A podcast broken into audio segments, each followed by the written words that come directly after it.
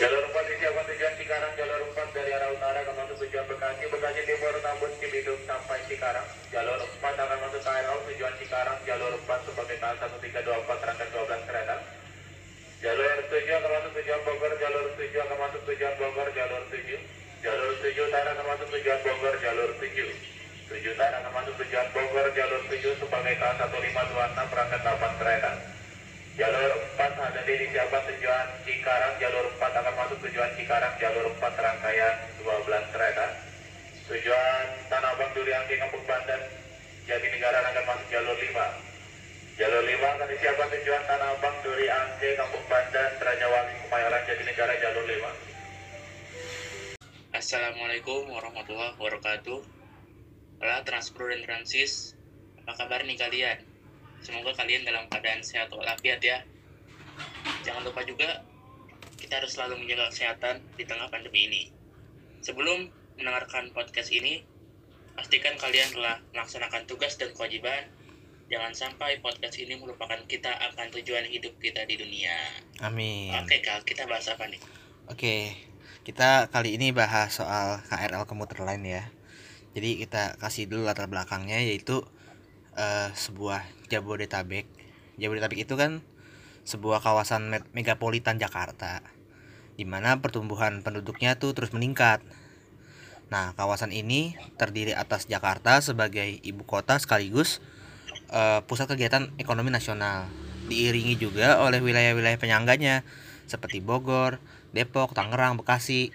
Nah, nggak jarang juga nih di luar Jabodetabek ikut tergantung. Misalnya Rangkas Bitung, Cianjur, Serang, Sukabumi, Karawang, Purwakarta. Rasanya kawasan megapolitan Jabodetabek ini punya pengaruh ba- banget besarnya bagi kawasan lain. Nah, selain itu, Jabodetabek juga punya simpul-simpul transportasi yang beragam. Salah satunya jaringan perkereta apian di kawasan Jabodetabek yang ramai eh, hilir mudiknya oleh para commuters ya. Dan dengan hadirnya KRL komuter lain ini menjadi primadona bagi pengelaju atau commuters di kawasan penyangga Jakarta, yaitu Bodetabek. Bahkan lebih ya, kayak misalnya Rangkas dan lain-lainnya. Eh, dengan harga tiket yang sangat terjangkau, lalu pelayanannya juga ke sini semakin maju, itu wajar banget sih. eh selalu sesek, selalu padat kayak pepes KRL komuter lain tuh yang orang-orang dari kawasan penyangga mau ke Jakarta ataupun ke kota-kota lainnya gitu. Atau misalnya dari Tangerang ke Bekasi Bogor ke Bekasi atau Bogor ke Tangerang dan sebagainya gitu. Nah di masa pandemi virus COVID-19 ini itu tuh sangat ngekhawatirin banyak orang apalagi perusahaannya. Apalagi nih kayak eh, perusahaan KCI PT Komuter Indonesia itu juga banyak tuh mengalami penurunan penumpang. Nah, upayanya juga banyak dilakukan oleh KRL komuter lain dan kayak misalnya melakukan pembatasan penumpang dan sebagainya gitu.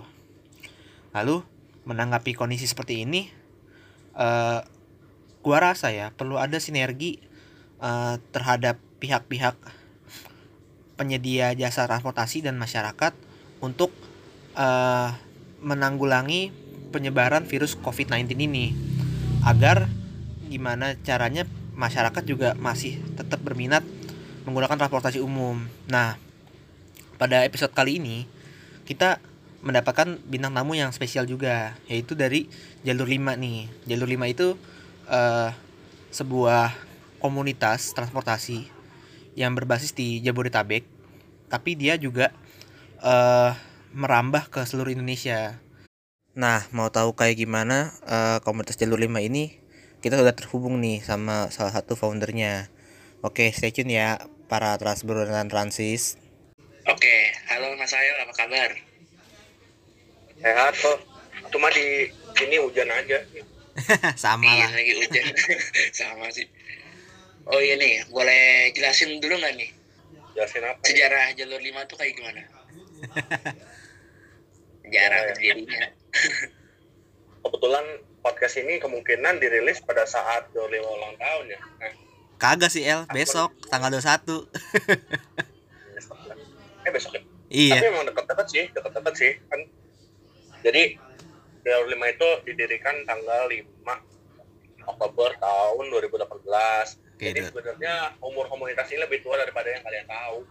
Iya. Nah, pertama ini dari dimulai dari gua sama Calvin mungkin ya semacam buat akun band, akun coveran gitu kan.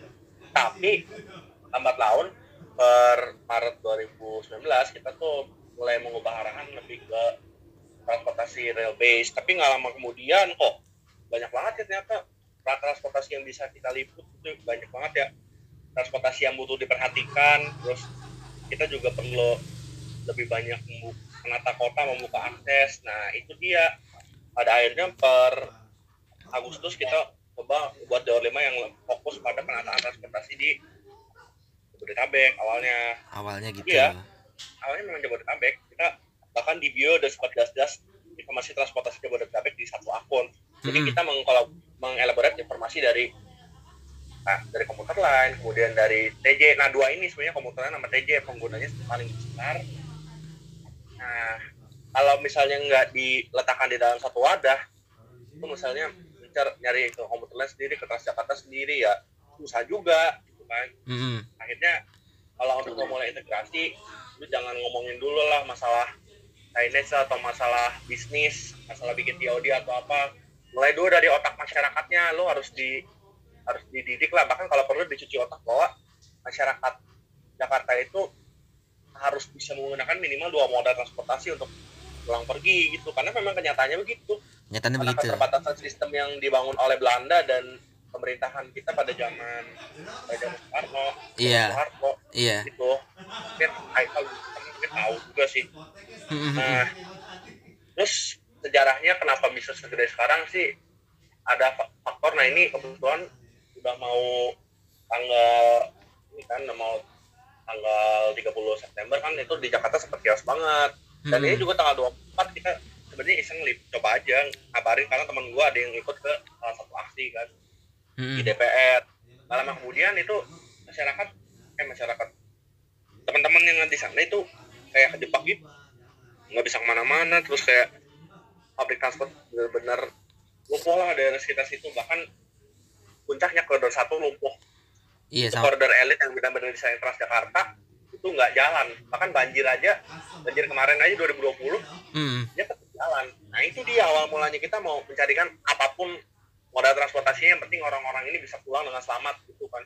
Mm. Ya udah dari situ kita cuma mempelajari kota Jakarta seperti apa. Karena kan tidak mungkin lah kita bisa menyelamatkan orang kita melakukan search and rescue tanpa kita mengetahui medan itu sih. Iya benar. benar. Makanya lebih ke arah jalur lima lebih ke arah situ akhirnya walaupun memang tidak bisa dipungkiri kalau teman-teman di teman-teman kita ini kadang lebih ke sentrik ke TJ lebih sentrik ke KRL. sentrik ke kereta juga. Ya memang gua nggak bisa ngelarang kalian nih yang kalau maunya apa. Tapi kita tetap fokus jalur lima tetap fokus mau seluruh Indonesia kalau perlu tentang dunia transportasinya dibahas. Mau Mm-mm. kita bahas kok yang, yang jarang banget orang bahas tentang Sumatera Utara ya pokoknya reaktivasi yang ke arah ini yang ke arah Kota Pinang ya. yang ke arah Aceh yang Oh, Aceh, itu iya. cukup jarang ada media yang bahas itu kita bahas aja itu salah satu cara untuk tujuan lebih besar seluruh Indonesia terkoneksi transportasi memadai Iya. Gitu. bagus sih. Eh, terus nama jalur 5 tuh dari mana sih El? stasiun Duri jalur lima stasiun Duri Oh ya, oke. dulu Dulu. dulu jalur lima itu filosofinya gini kalau setiap orang yang mau ke Tangerang pasti akan menginjak di jalur lima mau Tangerang ataupun Tangsel karena karena di Tanah Abang juga lima dan enam. Lima dan enam kan itu Mm-mm. peron dan itu satu peron. Nah kalau di kalau di Duri sendiri itu jalur lima doang. Dulunya sih dia jalur dulu dia jalur empat tapi kalau per tiga per 30 Desember tahun 2017 eh MIU ya Mm-mm. itu udah mulai jadi lima jalur dan itu hari pertama masuk ke jalur lima itu. Oh. jalur lima duri. Setelah sebelumnya kan dia ditaruh masih ditaruh di jalur empat kan karena J limanya masih peronnya belum ada pada saat itu. Belum sempurna. Menurut gua ya.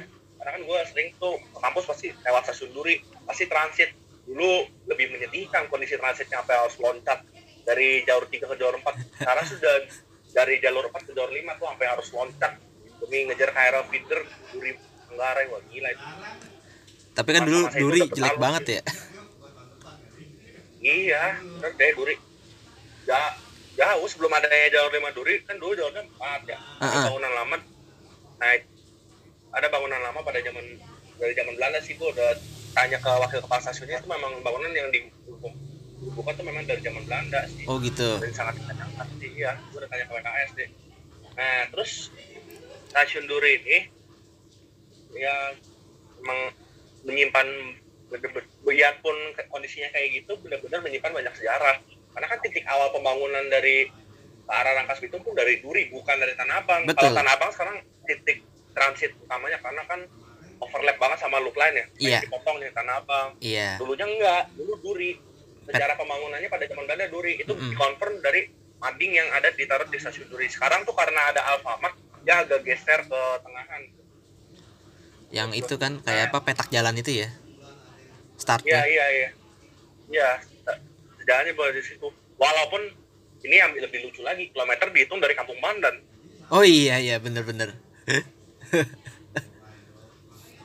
iya kilometer dihitung dari Kampung Bandan nah ini gue nggak paham nih ngitungnya dari yang jalur Batuk jalur 3 apa dari ini dari jalur buntu yang yang biasa dipakai buat stepping KRL ini gue nggak tahu juga Hmm. mm-mm. Jalur tiga yang Baduk eh, Kampung Bandan ya kan. Iya, berhitung kilometernya di mana? Karena kan bisa beda hasilnya. Karena kan kalau di kereta api sampai hitungan puluhan meter, eh Kilometer. hitungan meter satu meter aja meter baru. Hmm, hmm, hmm. Ya itu aja sih kalau ngomongin sejarah jalur lima community. Iya. Nah, Oke. Oke. Kita mau nanya nih. nih. Menurut jalur 5 nih, kondisi KRL komuter lain saat pra pandemi dan saat pandemi itu gimana sih? kalau menurut kita benar-benar gemplang. Kita udah merasakan sendiri sih. Dari anak-anak jalur lima sih udah ngerasain sendiri. Mm-mm. counternya gua gua sama Calvin pun naik komuter lain ya pada saat pandemi ya Iya. beda banget pemandangan besok-besokan sampai dempet itu nggak akan pernah lu temui pada jam kerja serius Bener-bener ini gak sih kosong melompong gitu atau bener-bener nyusut atau gimana? ya enggak tapi kalau untuk menyusut 50% itu ya kadang-kadang secara alami sih memang. Mm-mm. secara alami menyusut penuh memang ada kapasitas mungkin 70 sampai 80 mungkin pernah ya kalau misalnya kalau misalnya habis bubaran belanja Tanah Abang nah itu kan karena banyak faktor ya. Iya. pernah sih sampai nggak bisa nggak bisa eh maaf nggak bisa physical distancing itu pernah. Kali itu Mm-mm. pada saat pandemi. Tapi cuma itu masih jauh lebih mending daripada yang sehari-hari terjadi di loop line itu wah padatnya. Hari Sabtu aja padatnya bukan main gitu loh. Mm-mm, mm-mm. terus kalau gua pribadi ya gua kan pasti pulang kerja pakai komuter lain dari dari Taman Kota ke Tangerang ya. Walaupun makanya gua jarang banget menginjakan kaki di stasiun Duri karena memang tutupan pekerjaan juga sih gua. Nggak kalau mau ke Duri juga bakal ngabis ngabisin uang ngabisin waktu gitu kan. Tapi gambaran secara umum sih bener-bener ya masih bisa masuk di physical distancingnya sih. Untuk physical distancing di dalam kereta tuh eh, alhamdulillah nggak begitu apa ya nggak begitu rapat-rapat banget ya. Iya, nggak ada pokoknya sampai badan ketemu badan kayak zaman biasa itu sih. Tapi kalau kita lihat dari laporan di kom- komuter, kadang-kadang at komuter lain di Twitter kita kadang-kadang nemu juga sih beberapa kasus bisa sampai pen- penuh banget maksudnya penuh kayak udah ada fotonya sih itu kelihatan banget kurang dari satu meter tapi tetap aja pemandangan dempet-dempet itu udah jarang banget terjadi gitu. Benar benar. apalagi sejak adanya new normal gitu kan New normal tuh ya kondisinya udah benar-benar berbeda setelah tiga bulan pandemi. Nggak cuma ini nggak cuma dari pengguna komuter lainnya aja yang mundur pada mundur rata WFA demandnya berkurang karena banyak yang kehilangan pekerjaan itu yang sedihnya di balik cerita ini Dan juga pada balik ke transportasi pribadi juga nggak sih kalau menurut jalur 5 nih?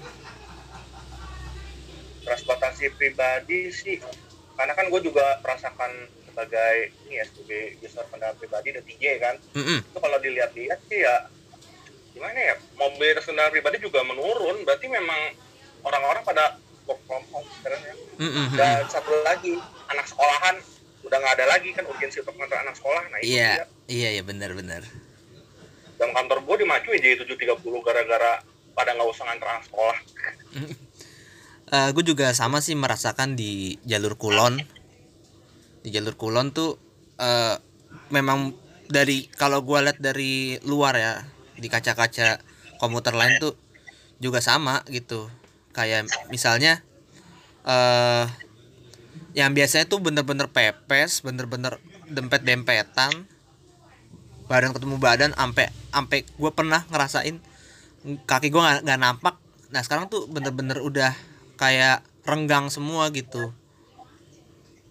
Meskipun kan kulon jalur kulon nih Green Line ini nih Tanah Abang Rakas Bitung tuh penyumbang ini terbesar juga ya penyumbang eh, penumpang terbesar juga kayak Bogor. Cuman ya tiba-tiba pas lagi pandemi ini tuh bener-bener drastis sih gitu penurunan penumpangnya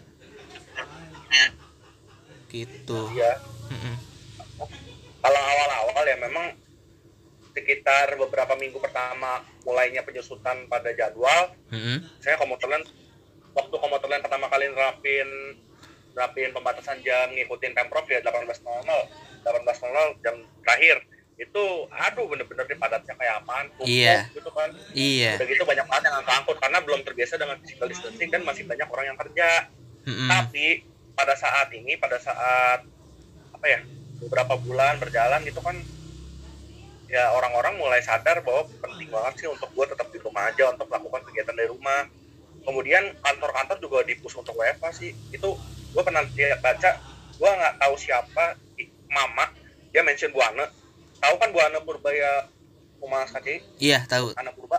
Nah itu dia pernah mention beliau bahwa wah ini akibat adanya komuter lain dibatasi kapasitasnya, jadi mereka ujung-ujungnya ngepus kantor untuk melakukan WFA gitu sehingga mereka tidak usahlah melakukan hal yang cukup risiko naik transportasi umum begitu. Hmm, oke oke. Terus banyak juga nih dari kalangan-kalangan yang tidak dalam tanda kutip tidak terlalu berkepentingan menggunakan komputer ya maaf nih mungkin yang pada hunting yang pada itu mereka mulai mulai apa ya sedikit beradaptasi lah dengan adanya pandemi ini kalau teman-teman lihat di apa ya teman-teman lihat di, di foto-foto kan foto-foto yang banyak menyebar di Instagram foto kereta kan banyak kan latarnya dilakukan pada jam siang hari Iya. Di mana kan siang hari itu cenderung penumpang bukan sepi lagi, sering banget kereta cuma rasa pribadi. Iya iya. Sekarang gitu ya. Gitu kan. Bahkan ini udah new normal loh teman-teman. New normal kata orang udah pada nggak peduli sama physical distancing lah ini seakan-akan di public transport tidak terlalu indo, tidak terlalu Kembali efek, balik tetap, ah, jadi awal gitu ya. tetap aja. gitu. Tapi yang parah tuh ya di jalan raya sih, tapi kalau di kereta, kereta komuter lain tuh kayak ya gimana ya? Paling Manggarai, Manggarai namanya cuma bentar doang. Tapi tuh orang pada bor sekarang ya kesapu habis kalau gua lihat ya gua terakhir ke Manggarai kan weekend juga bahkan jangankan dari new normal ya waktu komuter masih sampai jam 10 Mm-mm. itu komuter kan gua pernah dari Manggarai ya Mm-mm, mm-mm. TJ kalau nggak salah TJ masih sampai jam 8 atau jam masih sampai jam 10 gue lupa oh masih ada Amari bahkan masih ada Amari TJ orang-orang udah mulai pada takut keluar rumah tuh makanya komuternya gue tumpangin itu bener-bener kayak wah gue bisa duduk ini sekarang jangankan physical distancing bener-bener sepi banget itu waktu itu KCI belum masang ini loh tanda physical distancing di kereta seingat gue ya Yang belum dikasih di itu ya. Apa tuh kertas di Iya, tempat iya. duduk ya? Iya karena waktu di silang-silangin gue udah puasa naik KRL istilahnya gue jarang banget naik KRL waktu di Silang-Silang. Padahal gue normalnya gue tuh bahkan mau gue pada saat gue masih belum dapet kerja gue hampir tiap minggu gue pakai komuter lain entah ke mana. Mm-mm. Oke. Iya dan gue ngerasain tuh. Oke, sekarang kita bahas PSBB nih. Kan di PSBB transisi kemarin sempat kembali normal lagi ya kondisi KRL tuh. Nah, tapi pas PSBB jilid 2 nih kondisi KRL tuh gimana lagi sih? Apa yang terjadi? Pengurangan atau tetap stabil aja? Kalau untuk PSBB 2 kalau yang gua rasakan secara pribadi ya Hmm. gua kan naik komuter lain tuh hari Selasa Selasa itu udah masuk PSBB 2 tanggal 15 kemarin Oke. penumpangnya turun jauh bos Maksudnya, itu kan sekitar jam 19.00 gua terbilang pulang cepet lah gua terbilang pulang cepet dari kantor kan hmm, hmm. itu normalnya kereta bahkan bisa sampai biri kereta Tangerang yang ke arah Tangerang tuh gue masih bisa berdiri walaupun tetap bisa memper- memperhatikan distancing tapi kali itu berbeda. Bener-bener duduk semua udah gitu udah gitu ini kereta seakan-akan kosong. Seakan-akan kayak cuma satu gerbong mungkin satu rangkaian mungkin eh satu rangkaian. Satu kereta satu gerbong mungkin cuma 15 sampai 20 orang kali bisa dihitung bisa dihitung dengan nunjuk-nunjuk ya kayak absen kira-kira kayak gitu Berarti itu nah ya. terus kalau Berarti kayak apa? KRL komuteran rasa MRT ya. Pada ah, duduk semua. emang emang Iya. rasa MRT teman-teman kita yang pakai komuter kayak kemarin kemarin teman kita di ya gua nggak mau sebut namanya lah itu dia sempat snapgram dan di Sao di Jelima juga. Nah dia memperlihatkan kondisi komuter lain yang benar-benar kosong. Ini kayaknya jalur lu sih jalur Bekasi. Dia kan orang Bekasi yang nge-share-nya Hmm, hmm, hmm. kosong banget pak. Tumbenan ya kan? Sabtu, Sabtu loh malam minggu kadang-kadang malam malam minggu suka rame loh. Biasanya mah udah buka kaca itu. tapi memang malam malam minggu malam minggu woi malam minggu sih memang normalnya nggak terlalu rame juga. Tapi I- iya. sekarang jadi kereta hantu. Sepi banget APKP Iya, Cikarang. pada saat PSBB dulu iya komuter lain sih tidak tidak terlalu menyusutkan operasional ya minggu lalu walaupun udah disuruh sama dishub untuk nyusut operasional sampai jam 19. cuma sampai jam 8 doang tapi enggak KCI enggak waktu ya eh 20 dulu dong Oh, 20 dulu ya. tapi pada akhirnya mungkin KCI berhasil nego atau gimana jadinya Tetap Senin sampai Jumat mereka operasional tetap sampai jam 9. jam tetap sampai jam 11 seperti sekarang. Mm-mm. yang kalau dibilang PSBB ada pengurangan jadwal ya nggak ada tetap ada gitu. Komuter lain tetap sampai jam 9 dulu mah tengah malam masih ada komuter lain kelayapan. Iya, dan gua kan penumpang kereta terakhir Bogor berdiri loh pak. Masih diri Rame tuh. jangan salah kereta terakhir Bogor itu. Iya kereta Iya. terakhir Bogor tuh berdiri gua berdiri coba dari Manggarai. Eh, kalau gua lupa Tanah Abang sampai gua berdiri coba sampai UI udah gitu gua jalan dari UI ke kosan gua. Terus sekitar 1,5 km wah jelas ya Pegal-pegal dah tuh. mau tidur gua. Iya iya benar. Tapi kalau sekarang mah memandang kereta malam itu udah itu terjadi jam 9 sih. Tapi itu juga kereta malamnya udah mulai pada sepi karena pandemi ini tahu gua memaksa kantor-kantor untuk tutup tutup juga. Oke. Eh berarti dalam eh, PSBB jilid 2 ini bener-bener penurunan lagi ya penumpangnya. Berarti terlepas dari pelayanan saat pra pandemi dan pandemi berarti harus ada lebih ditingkatkan lagi ya. Oh ya nih, kira-kira apa aja yang harus dievaluasi nih dalam pelayanan komuter lain di saat ini atau 2021 nanti? Nah, iya nih El. Misalnya kita anggap aja asumsi 2021 vaksin udah keluar gitu. Udah kayak masa Ya, eh, setelah pandemi atau post pandemik gitu. Nah, menurut lu gimana nih?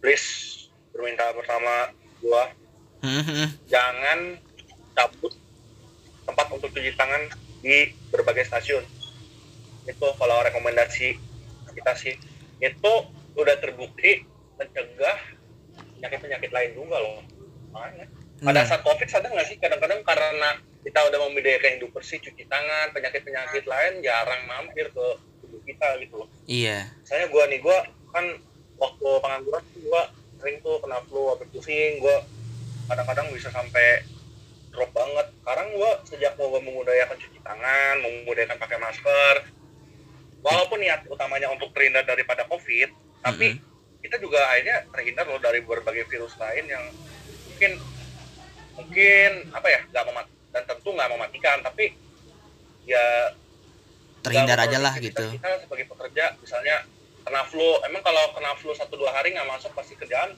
tutup lah nanti kasihan lah ya teman kita yang disuruh mendelegasikan kayak gitu kan Iya, iya. hanya begitu jangan sampai protokol kesehatannya kendor kecuali jaga jarak kali ya jaga jarak nggak susah banget iya kayak paling misalnya kalau untuk 2021 pos pandemik ya. Mm, mm, mm. misalnya nih kayak gini nih El pos pandemik kita ngomong apa? Misalnya kayak eh, fasilitas-fasilitas atau kayak misalnya tuh kalau yang kita dulu berapa bulan lalu kita ngelihat ya di kayak stasiun Bogor tuh apal banget antrian panjang gitu. Itu tuh kira-kira pas kira-kira nih ntar asumsinya eh, udah ada vaksin post pandemik gitu. Itu kira-kira tetap begitu juga atau gimana nih pasti kan eh, otomatis penumpang juga bakal naik gitu loh. Ya akan kembali seperti semula lah. Iya. Kalau menurut gua. Tapi dengan protokol Akan kesehatan itu. ngantri antrinya ya di peron. Protokol kesehatan. Protokol kesehatannya paling kalau menurut gue yang bisa adalah masker dan cuci tangan. Masker pun gue nggak yakin orang bakal pakai seterusnya apa enggak. Tapi kalau untuk jaga jarak sih aduh benar sulit sih. Iya iya apalagi kan dengan komputer lain yang ya kayak begitulah kita- belum ada pengganti belum ada alternatif yang lebih baik itu kan. Mm-mm. ya memang sulit sih kalau ngomong jaga jarak event di Jepang sekalipun. Di iya. semua negara yang punya public transit system tuh ini kalau untuk nggak ngomongin berdasarkan kayak kayak pepes bahkan teman-teman yang bilang wah ini kok di luar negeri kok keretanya nggak desak-desakan kayak di Indonesia? Ya lu naiknya pas weekend pak. Sih lu? atau pas siang-siang. Nggak rush hour dong. Ya makanya kalau misalnya lu mau naik public transport itu lo harus ngerasain rush hour. Kalau di luar negeri pun ya Mm-mm. rasain rush hour rasain jadi mereka. Itu baru tuh bener-bener liburan. Dulu ya sebelum pandemi gue berpikirnya gitu. Sama paling eh, kalau menurut gue ya fasilitas juga sih. Kayak waktu itu gue ke Tanah Abang gitu pas pandemi ini. Itu eh, di tiap-tiap tiang peron itu tiang atap peron itu ada hand sanitizer tapi nggak ada isinya. Udah sering ada yang laporan ke komputer nah sering mungkin banget ada yang laporan ke komputer mungkin evaluasinya itu sih. Sama Nah, kalau untuk eh, apa? sama kalau misalnya gini Nah, nih. kalau untuk apa? kayak misalnya eh evaluasi dalam kereta kira-kira gimana deh? Harus ada apa lagi kah gitu? Atau hand sanitizer atau semacamnya? Kayak di bis TJ gitu. Kalau menurut lu gimana lagi? Ventilasi itu nomor satu paling penting kalau pos pandemik ya. Mm-mm, ventilasi pada komuter tuh harus benar-benar dipikirin sama teman-teman di balai yasa. Gimana mm-mm. sih caranya biar biar kayak ya nggak usah mendekati MRT lah. Ventilasinya tuh nggak membuat orang ngap di dalam KRL oke eh bentar deh. Gua waktu itu pernah dengar katanya kalau pas kereta di terminus di stasiun terminus tuh pada dibuka semua deh biar katanya anginnya keluar gitu. Itu bener nggak sih? Tangerang enggak. Eh, pemandangan gua hari Selasa kemarin enggak. Gua Hmm. kurang tahu kalau yang lain. Mm-mm. cuma kalau di Manggarai sih sempat sih. Cuma gara-gara bahaya kali ya. Makanya kebijakan itu mungkin dievaluasi lagi karena bahaya. Hmm gitu. Iya ya. mungkin karena bahaya sih gua nggak tahu juga. Dan mungkin dirasa dengan membuka kaca jendela aja udah cukup gitu loh. Oke. kalau di Tangerang pokoknya enggak aja. Yang gua lihat enggak. Dibukanya sebelah kanan doang. Seperti biasa. Hmm, hari hmm, Selasa kemarin padahal udah masuk PSBB 2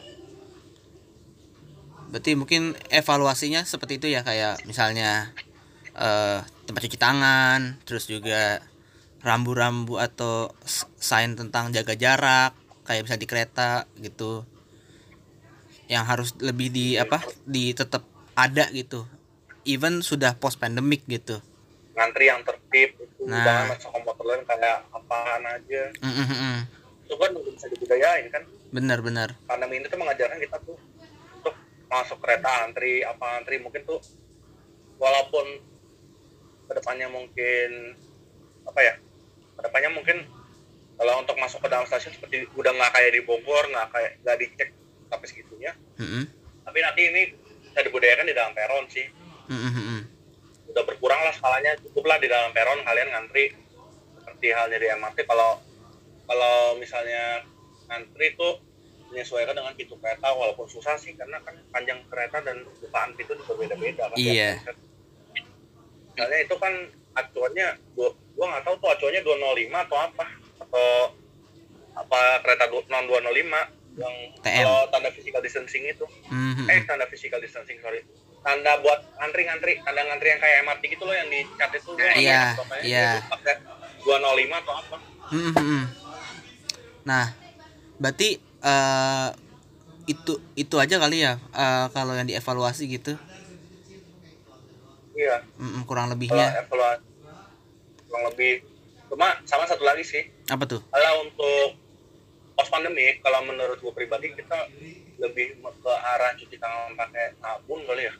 Iya, mungkin kalau di stasiun-stasiun hand sanitizer mungkin diletakkan di tempat yang jauh dari jauh dari sumber air atau apa ya tempat-tempat yang menurut kita nggak nggak memungkinkan gitu loh untuk dipasang wastafel Mhm. cuma lebih ditekankan kepada kita cuci tangan pakai sabun karena dibandingkan hand sanitizer sabun itu lebih efektif betul. Kenapa? Karena sabun dengan kita mencuci tangan pakai sabun kita menggosok-gosok, kita menggosok bagian-bagian yang apa ya, yang sulit untuk diangkat pakai hand sanitizer gitu. Gue juga udah pernah kan ngalamin waktu tugas lapangan nih, kan tugas lapangan gue tentu aja nyentuh oli kan ya. Nah, gue Mm. dimarahin gue gara-gara gara-gara gue pakai hand sanitizer doang untuk nyuci bekas oli. Makanya kamu cuci tangan, kamu cuci tangan pakai sabun, pakai air mengalir. Nah itu baru tuh bersih banget. Iya. tangan karena hand sanitizer tidak bisa mengangkat yang kayak lemak-lemak minyak atau bekas sisa makanan gitu kan Dan juga ini ya, sisa makanan juga baru doang menyebarkan droplet gitu eh, dan juga katanya sabun itu partikelnya tuh tajam-tajam ya. iya itu namanya itu namanya bagian kalau bagian yang tajam itu seingat gue itu bag- bagian yang itu bagian hid- hidro bagian hidrofobiknya yang menarik minyak Mhm. gua Oke. ya ya gini yang tajam-tajamnya makanya, makanya kenapa virus itu kalau seperti pernah dijelasin teman kita bisa mati karena lapisan membrannya membran lemaknya yang yang menularkan penyakit yang menyebarkan materi genetik yang bikin kita terkena penyakit itu Mhm. dirusak Iya. Berarti eh, kita balik lagi ke soal pelayanan berarti memang ada hal revolusioner ya, bener-bener bener-bener langsung gitu. Oke. Ya, semoga kita tunggu aja ya. Semoga ada peningkatan pelayanan dari KCI khususnya di pandemi ini. Nah, sekarang kan kita lagi angkat-angkatan nih kabar nih. KCI itu ekspansi ke luar Jabodetabek. Salah satunya di Jogja Solo yang insya Allah Oktober ini ya di resmiin ya. Katanya sampai Klaten. Ya, nah kira-kira menurut jalur 5 kota mana lagi yang harus ada KRL komuter lainnya? Bandung Bandung. Itu nomor satu Bandung lah benar-benar mutlak itu udah kenapa karena bagaimana mereka bertin apa ya bagaimana mereka memperlakukan pabrik transport itu sudah sama hampir Iya. sama dengan Jabodetabek Iya Iya, benar. karena kan gua pun merasakan antrian di stasiun maksudnya ngantri masuk sampai segitunya kayak di Bogor itu bukan di Jabodetabek sih Mhm. gua ngantri masuk stasiun Cicalengka untuk kan gua beli tiket lokalan ya Mhm. gua waktu itu gua naik ke Cicalengka balik lagi itu zaman sekarang udah nggak bisa lo naik tiket per- naik lokal Bandung Raya dengan menggunakan tiket yang sama tapi PP udah nggak bisa. Karena kan otomatis penumpang bakal dibuang ke keluar kemudian kalau lo mau naik lagi balik apa pun alasannya lo harus ngantri. Begitu. nah ngantrinya ini adalah pengalaman pengalaman pertama kali gue ya untuk untuk ngantri menaiki kereta dari pintu peron. Seperti halnya yang sering kalian lihat di foto-foto Instagram foto-foto Twitter Instagram yang orang pada ngantri di stasiun Bogor gitu kan. Iya. ya tapi soalnya kan kalau gue pulang kerja pun kebetulan memang taman kota tuh akomodasinya nggak terlalu gede ya memang gue naik paling satu dua tiga orang empat orang kalau beruntung paling mentok 10 orang lah yang naik di stasiun itu Mhm. nah nggak kayak di di Cicalengka ampun deh ramenya Bener-bener susah ya. Bandung. ya terus kalau nomor dua kota mana yang benar-benar perlu itu Surabaya Iya. Nah, Belanda udah menciptakan sistem rel yang benar-benar perfect ini Surabaya itu adalah kota dengan ya, cabang yang sangat-sangat banyak Bener bener. mungkin mas- masa depannya mungkin kayak Jakarta kalau misalnya Belanda nggak pergi di sini Mhm. mungkin aja di ujung kalian tahu kan pelabuhan ujung ke Kamal atau kemungkinan sih rel ferry sebenarnya masa masa depan eh future past-nya dalam tanda kutip itu mungkin bakal dibikin referee ke Madura tapi ya dia nggak pernah kesampaian karena Belanda udah buru pergi dan teknologi referee belum dikenalin ke sini Mm-mm. nah di Surabaya balik lagi ke Surabaya itu kenapa karena kalau gua lihat gua kan juga bisa ngomong gini karena gua udah pernah melihat di lapangan ya Iya. bahkan gua tahun baru gua tahun baru udah ke stasiun Gubeng pak Mm, mm, mm, mm. gue tahun baruan tuh ngere gue lari dari hotel terus ke dekat stasiun Gubeng coba pemukiman padat lah ini orang yang enggak yang bukan Raven udah bilang gue gila kali Iya Surabaya Ini bener orang sih. yang- Harus banget sih. Kayak Orang misalnya yang- dari Lamongan atau dari Mojokerto, dari Sidoarjo, dari Bangil langsung ke RL gitu komuter line. Enak gitu dengan terintegrasi eh, sistem pelayanannya, tiketing atau fisiknya gitu. Bener-bener. dan masyarakat sana juga apa ya Butuh. walaupun terbatas banget komuternya Mm-mm. ya komuter susi komuter sulam tapi tetap aja peminatnya banyak Bener, bener. Iya benar nih. Nah, kalau Semarang gimana menurut lu? Semarang sebenarnya kalau untuk menjangkau kereta itu sebenarnya Semarang sangat sulit karena Semarang memiliki gradien kenaikan gradien jalan yang gila ya gradien tanahnya gila sih itu kenaikannya dari nol sampai kemarin gua pen- gua kan pernah ke daerah Tembalang dari situ tuh Iya, itu tinggi banget. 100 sampai 200 deh Iya. Lupa 100 meter dari permukaan laut ya nah itu dia sebenarnya salah satu tantangan di Semarang makanya kenapa dan tidak bisa membuat survei seperti kebanyakan kota di Jawa nah Mm-mm. lebih ke arah lurus walaupun bercabang ke arah Bundi pun dia meng- menghindari Gunung Ungaran kenapa sih Semarang kayak gitu karena Semarang memiliki memiliki gunung namanya Ungaran nah Ungaran itu bukan cuma nama ibu kota kabupaten Mm-mm. tapi itu juga berasal dari nama sebuah gunung yang ada di ada di baratnya ini ya baratnya jalan nasional ya itu, Iya. itu ada gunung dan itu kalau untuk para pendaki pendaki yang masih baru-baru tuh setahu gua pada naik gunung itu Sampai ke ini pegunungan Menoreh deh, ke selatannya juga. Menoreh itu masih agak jauh pak Menoreh mah Borobudur Iya, sekitar situ.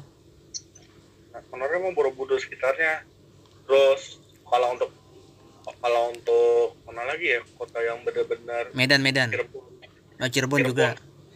Cirebon nah Cirebon ini proyek yang didapetinnya itu elevat elevatif sih Iya, di- dinaikin. Iya, elevatif ya Cirebon itu udah lama sih gua meng nge-push PTKA untuk ngebikin semacam lokalan Mm-mm. lokalan yang benar-benar melayani semua stasiun kecil di situ. Cikampek masalahnya Cirebon gitu ya? Ini sejak ada double track jadi pamornya turun banget ya dengan Hmm. semakin sulitnya untuk persyaratan untuk naik KA. Mm-mm. Maksudnya dengan bor pakai KAI akses dan harga yang makin nggak terjangkau sama masyarakat membuat budaya ini pelan-pelan hilang. Jadi kayak aduh relnya numpang lewat doang, Mm-mm. lewat doang kan itu sedih banget. Apalagi zaman dulu aduh adalah cerita yang nggak bisa diomongin di podcast ini.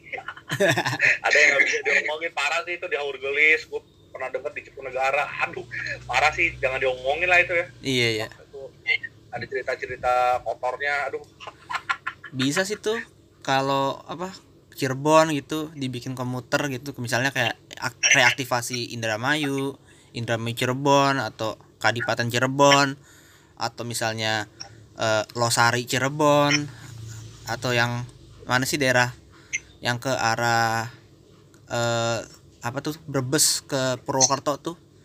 Ya pokoknya situlah tuh. Juga bisa dijadiin jadiin itu. Lainnya juga lumayan banyak sih. Untuk elektrifikasi, elektrifikasi tapi mungkin belum ya. belum iya. Bikin orang belum. Tapi kalau gue pribadi so, gue yakin sih mungkin iya komuter lain komuter lain yang pakai KRL itu mungkin ada. Iya. Terus, ko- kota apa lagi yang butuh Bali? Wah Bali dibangun.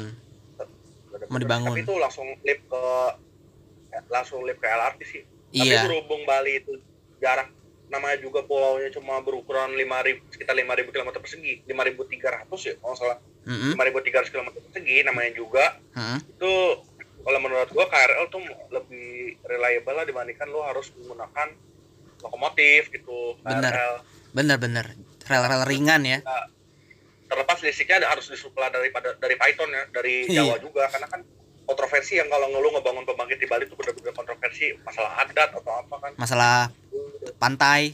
Iya. Pegunungan pak pegunungan juga kadang-kadang yang di Bali mayoritas orang tinggal ini sih ag- agak daerah pegunungannya itu. Mm, daerah Karangasem lah daerah Eh. Buleleng. Ya itu benar sih harus kalau untuk rencana perkereta apian yang ini ya heavy rail tuh gue belum nemu. Kalau LRT kan udah nyebar ke mana-mana ya? Iya. Itu nah terus kalau untuk kalau di Sumatera nih Oh, iya. Sumatera. Kira-kira KRL butuh di mana? Medan. Ya? Medan. Medan, Medan dari segi supply listrik dia ini ya lebih potensial dibandingkan daerah-daerah lain kan. Walaupun ya Mm-mm. pernah gue pernah nanya sih kendala di Medan kenapa sih itu railing nggak sekalian disetrum aja? Karena supply listrik pak. Oh Nah. supply jadi antara Jawa dan Sumatera itu supply listriknya ya ini supply listriknya tidak tersambung satu sama lain pak. Walaupun PLTU Cilegon ada di depan mata Mm-mm. tapi tetap tetap aja itu listrik nggak bisa nyalur ke Lampung. Kalau kalian lihat lihat ya peta penyaluran tuh di kantor gua ada soalnya. Peta penyaluran listrik. listrik dari seluruh Indonesia itu masih masih sangat jarang. Bahkan kayak kayaknya belum ada deh itu penyambungan listrik melalui antar pulau gitu yang Oh. benar-benar menggunakan kabel transmisi ataupun lewat underground gitu mm-mm. dan kalau untuk Selat Sunda yang jadi permasalahan kenapa sih listriknya jadi sulit banget kayak di Jawa Mm-mm. karena ya balik lagi medannya Selat Sunda itu apa karena kan dipengaruhi oleh Krakatau juga jadi sangat sulit untuk lo membuat konektivitas yang langsung tersambung antara Sumatera dan Jawa makanya langsung di udah lah udah aja langsung di Pulau Sumatera bikin pembangkit gitu iya iya makanya ini juga yang menyulitkan angkutan listrik itu mungkin bisa beroperasi di Sumatera gitu. Mm-mm. oh iya kalau kota di Sumatera lagi yang lebih memungkinkan untuk komuter KRL itu Bandar Lampung sih Lampung ya Tanjung Karang Bener bang. TNK, ya jujur TNK sih itu bener-bener kalau KRL itu udah layak lah secara teknik karena dia juga disuplai oleh PLTU Tarahan. eh. Tarahan ya Iya Tarahan. terminal batubara ya Temen gue pernah, temen gue pernah nanganin di situ deh. Tarahan. Nah itu juga kalau mau memperluas juga bisa itu kan pantai Kali Anda, pantai yang menghadap ke Selat Sunda kan masih banyak yang bisa digarap gitu. ya. Mm-mm. itu untuk membuat outbound dan kebetulan pemerintah juga mau mengembangkan kawasan industri di sepanjang tol Bakauheni terbanggi besar.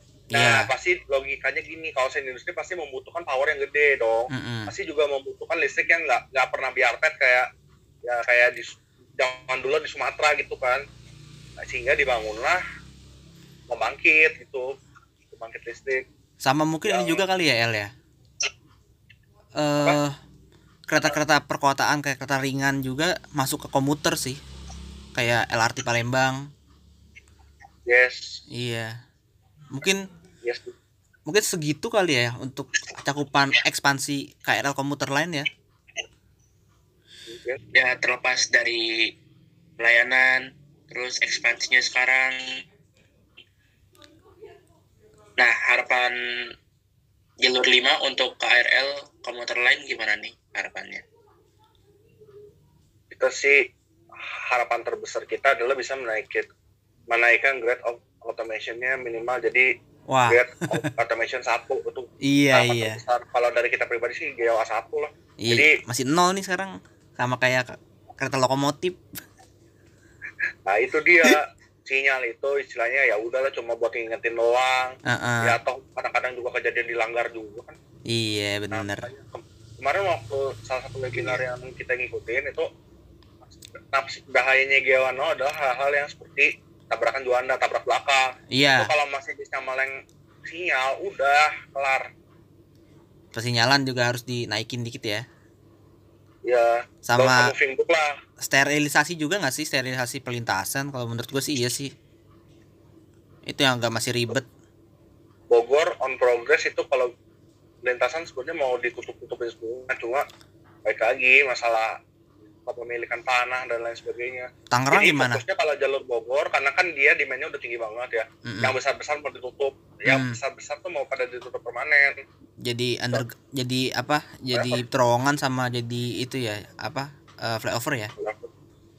Iya ke depannya gitu. Kalau Depok ya itu perlintasan karena trafficnya tinggi banget dari dulu sampai Ha-ha. sekarang perlintasan cuma sa- satu yang menurut gua ukurannya lebar yaitu di Bukit Duri ya kalau kali Kalibata pun ya dia kan ada flyover tapi yang tok bener-bener ngandelin perlintasan ya gitu ya. Bukit Duri. Kalibata ini ya Bukit Duri tuh. Bukit Duri terus udah gitu Condet Condet OTW mau ditutup juga jalan jalan raya apa gitu itu yang depan stasiun pasar minggu itu juga. Iya iya. Ra- Rawajati. Ya Rawajati Purbaya. Jalan Purbaya itu juga mau ditutup mau digabung sama pol- flyover Poltangan nanti. Hmm. Sekarang Jakarta Musda tuh lagi on progress itu pembangun jembatan di apa ya jembatan jembatan memotong lereng lereng Sungai Ciliwung di dekat stasiun Pasar Minggu. Oh gitu gitu ya. iya itu on progress itu lagi bikin jembatan cuma kendalanya adalah itu masih nggak bebasin tanah di sebelah timur stasiun Pasming itu masih belum bebas sama sekali. Tapi kalau untuk jalan terusannya dari arah apa ya dari arah jalan dari arah jalan Purbaya itu atau perlintasan sebidang Volvo itu udah bahkan udah ada trotoarnya loh tapi ada beberapa palang rumah atau apa belum sepenuhnya bebas jadi Mm-mm. itu masih statusnya masih kayak belum jalan umum lah gitu di Kulon juga sama sih udah banyak yang mau ditutup-tutupin kayak misalnya Pondok Ranji eh, next stepnya mungkin masih gonjang-ganjing soal politis ya Sudimara juga terus Robun tuh udah dan mungkin sekitarnya kayak Tenjo dan mana-mana pun juga bakal di ini sih ditutup-tutupin. Kalau Tangerang sendiri gimana El? Tangerang. Oh iya gue mau nambahin deh soal Kulon. Tenjo gue udah dengar kabar. Mm-mm. itu udah masuk ke dalam plan Kemenhub jadi mau nggak mau pasti akan terjadi. Iya. Tapi tinggal nunggu waktunya aja tinggal nunggu anggaran sama waktu doang. Apalagi nilainya aja udah keluar berapa miliar apa? Apalagi itu kagak dapet peron. Yang ada tukang tahu udah tahu tahu tahu. Jualan di situ sekarang Ap- udah nggak bisa soalnya kan kan dia kan stasiun Tenjo Mm-mm. udah jadi blok ya sinyal blok udah gitu kan kalau ada sinyal blok kereta komuter nggak bisa berhenti lama-lama di situ yes betul Iya, itu dia akhirnya diakalin sama Ditjen kok sama diakalin sama Ditjen akhirnya itu dibikin aja sinyal blok. Ya Mm-mm. kan akhirnya uang tahu tukang tahu udah nggak bisa naik-naik lagi kalau kayak gitu. iya iya bener Ya kali kereta Nah. berhentinya cuma bentar banget ya Tenjo. kalau Tangerang gimana Tangerang tuh ke jalan aja masih Tangerang ya. Ah, Kayak- ah, gue udah bilang berapa kali gue udah bilang udah jalur keretanya aja yang ngalah. iya Lintasan kebanyakan dinaikin Sampai atau diturunin frekuensi kereta sampai sekarang benar-benar terhalang yang namanya jumlah perlintasan sebidang yang banyak dan memotong jalan utama. Mm-mm. Nah itu terutama yang depan stasiun Tanah Tinggi itu, pasar itu nggak tahu deh itu kapan mau dibikin sama flyover. Ini juga nggak jelas sih Jawa Tangerang. Gue Kayak pernah dengar pokoknya nanti realnya yang ngalah. Makanya kenapa stasiun Tangerang kok kayak gitu-gitu aja sih kayak Jawa Tangerang gitu-gitu aja. Mm-mm. Itu ke depannya kalau misalnya MRT nggak lewat situ mungkin ya jalur ininya yang ngalah. Yang ngalah keretanya sekalian. Mm-mm. Jadi ada kemungkinan komuter lain udah di stasiun Pesing itu bakal motong flyover. Jadi tinggi banget itu kayak kayak di Fatmawati kemungkinan. iya bener-bener Kalau gue punya bayangan bahkan itu di daerah stasiun Pesing kemungkinan bakal setinggi Fatmawati. Tapi Ya. nggak tahu ya tentang jalan tol dalam kota Jaya itu gue gue nggak tahu ya. Mm-mm. Itu Basi tinggal aja siur sih Mungkin saking desperate-nya itu nawarin ningkatin jadi MRT sekalian. ya padahal ada MRT juga lah situ nanti sih katanya katanya nggak tahu juga Eh, sama ini sih eh kalau menurut gue ya ada juga nih penambahan ekspansi di bagian Jabodetabek kayak misalnya nanti katanya Tangerang mau diekspansi ke Serang sampai Kutabumi le- lewat ke lewat Kutabumi lewat Pasar Kemis Balaraja dan sebagainya. Terus juga lanjutan jalur Nambo Nambo ke Cikarang pakai jalur eh, katanya dulu ada jalur lori dogong di Cibarusah Jonggol.